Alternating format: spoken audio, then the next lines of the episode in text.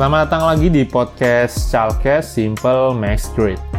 Kali ini gue pengen ngebahas tentang opportunity atau peluang buat kita, lu sama gue yang para geologis ini, buat berkarir atau kerja di industri tambang. Mungkin lebih tepatnya atau spesifiknya di industri pertambangan batu bara. Tapi sebelum mulai, gue mau ngucapin banyak-banyak terima kasih dulu kepada pihak-pihak yang belakangan ini di bulan Mei, Juni udah ngundang Chalkes buat hadir di acara mereka. Terima kasih banyak kepada SEG UGM, LPM FEBUI, dan yang terakhir di Perhimagi. Terima kasih udah ngundang kita, udah ngasih kita kesempatan buat ngisi acara kalian, buat berbagi ke lebih banyak orang buat lu semua yang lagi pada dengerin ini yang punya acara dan mau ngundang calkes entah itu di talk show, webinar atau apa pun itu langsung silahkan kontak kami di email. Emailnya yaitu calkes at gmail.com nanti akan kami feedback dan kita bisa diskusiin lah nanti itu gimana.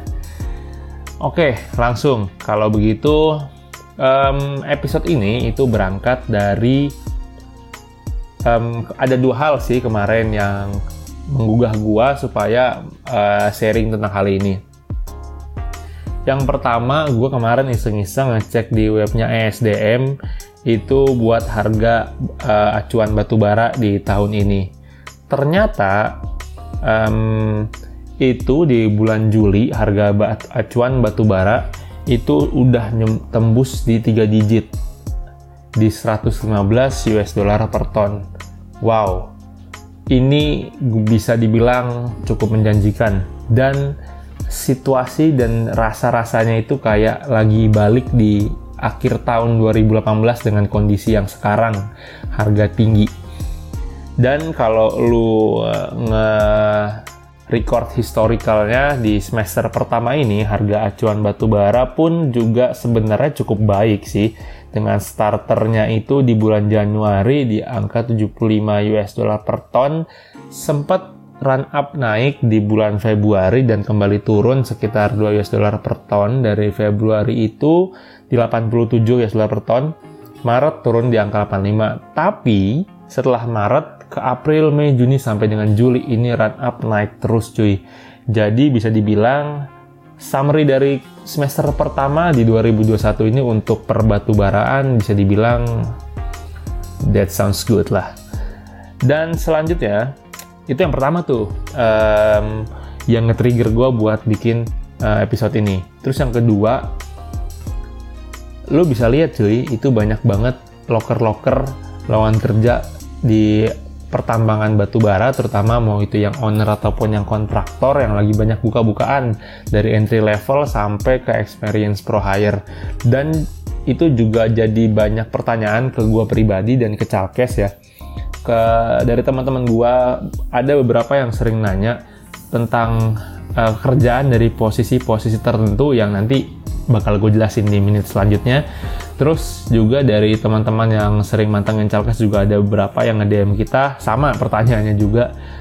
Uh, bang, kita geologi peluangnya ataupun kita bisa masuk ke bagian mana sih kalau di pertambangan batu bara di, di industri ini? Oke, okay. jadi dua poin inilah yang nge-trigger gua uh, buat ngomong di Calkes tentang ini.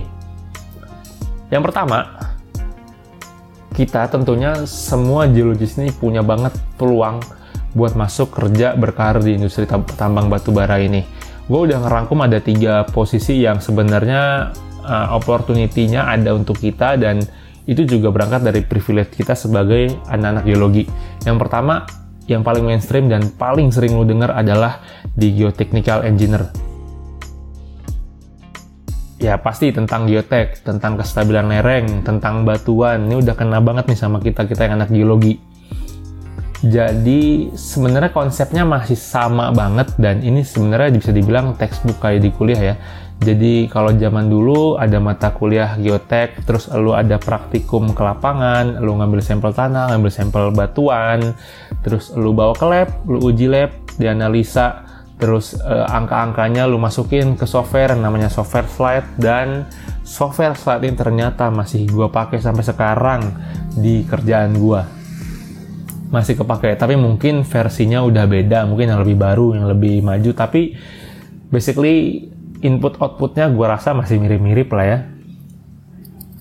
So apa yang mesti lu siapin dari posisi pertama ini? Yang pertama kalau lu sekarang posisinya adalah mahasiswa akhir atau lu udah lulus dan jadi job seeker coba ulang-ulang materi tentang geotek terus coba ulik-ulik kalau lu punya uh, soft versi slide-nya minimal dasar-dasarnya deh supaya kayak tools-tools kegunaannya itu untuk apa lu udah punya basicnya. Itu sih lu persiapin. Sama ya basic-basic geologi juga wajib juga tuh karena secara analisa nanti di geotek ini juga kita memperhatikan kondisi si batuannya. Sedikit tentang geotek. Yang kedua peluang kedua ada di pit geologist atau quality control. Nah ini yang sering banget muncul pertanyaan ke gua, ini sebenarnya ngapain sih orang di posisi kerjaan ini? Oke, untuk di posisi ini, yang namanya quality control pasti dia ngontrol kualitas si produk yang akan dijual. Ya nggak lain, nggak bukan yang produk mau dijual, pastinya batu baranya. Batu bara yang lo harus kontrol kualitasnya. Nah, kualitasnya dikontrol supaya si batu bara ini itu nggak kena kontaminasi kontaminasinya apa aja sih gitu kan yang bisa mempengaruhi kualitas si batu bara ini yang pertama dari material pengotor selain batu bara mungkin bisa batuan lain penutup si batu bara ini kalau ditambang sebutannya OB atau IB overburden atau interburden atau kalau di secara litologinya secara stratigrafinya itu ada seperti batu lempung, batu pasir yang berpotensi menjadi pengotor si batu bara ini. Terus yang kedua dari liquid yang mengisi celah-celah si batu bara atau sering kita sebutnya sebagai klit. Struktur rekahan di batu bara. Liquid ini macam-macam, bisa air, bisa lumpur atau mat, dan lain-lain. Nah, di sinilah gue bilang si quality control ini perlu ngontrol hal-hal tersebut. Jadi kalau gue bagi nih ya, quality control ini mungkin bisa dibilang 50%-nya mining concern, 50%-nya lagi adalah geological concern. Yang mining concern ini khusus untuk metode penambangan uh, yang baik dan benar, terus setting uh, DND-nya, di, di watering dan juga drainasenya seperti apa sehingga potensi kontaminasi air tadi sama material-material pengotor tadi nggak tercampur ke produk yang akan kita jual ke produk bahan galian ini. Terus kalau 50% dari geologisnya, geological concern-nya adalah melihat kondisi atau struktur batuan yang ada di batu bara yang mau kita loading terus kita jual si produk ini. Apakah batu bara tersebut banyak klitnya, terus uh, apakah si batu bara tersebut uh, kandungan di dalamnya, garnya, terus tingkat sulfurnya itu harus kita tahu dan kita record dan kita nanti yang akan ngeblending yang akan nyampurin buat ini supaya bisa tetap menjadi produk yang bisa dijual.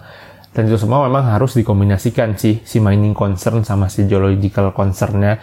Jadi masih ada peluang 50%. Gue bilang buat para geologis masuk atau terjun ke quality control ini atau pit geologis.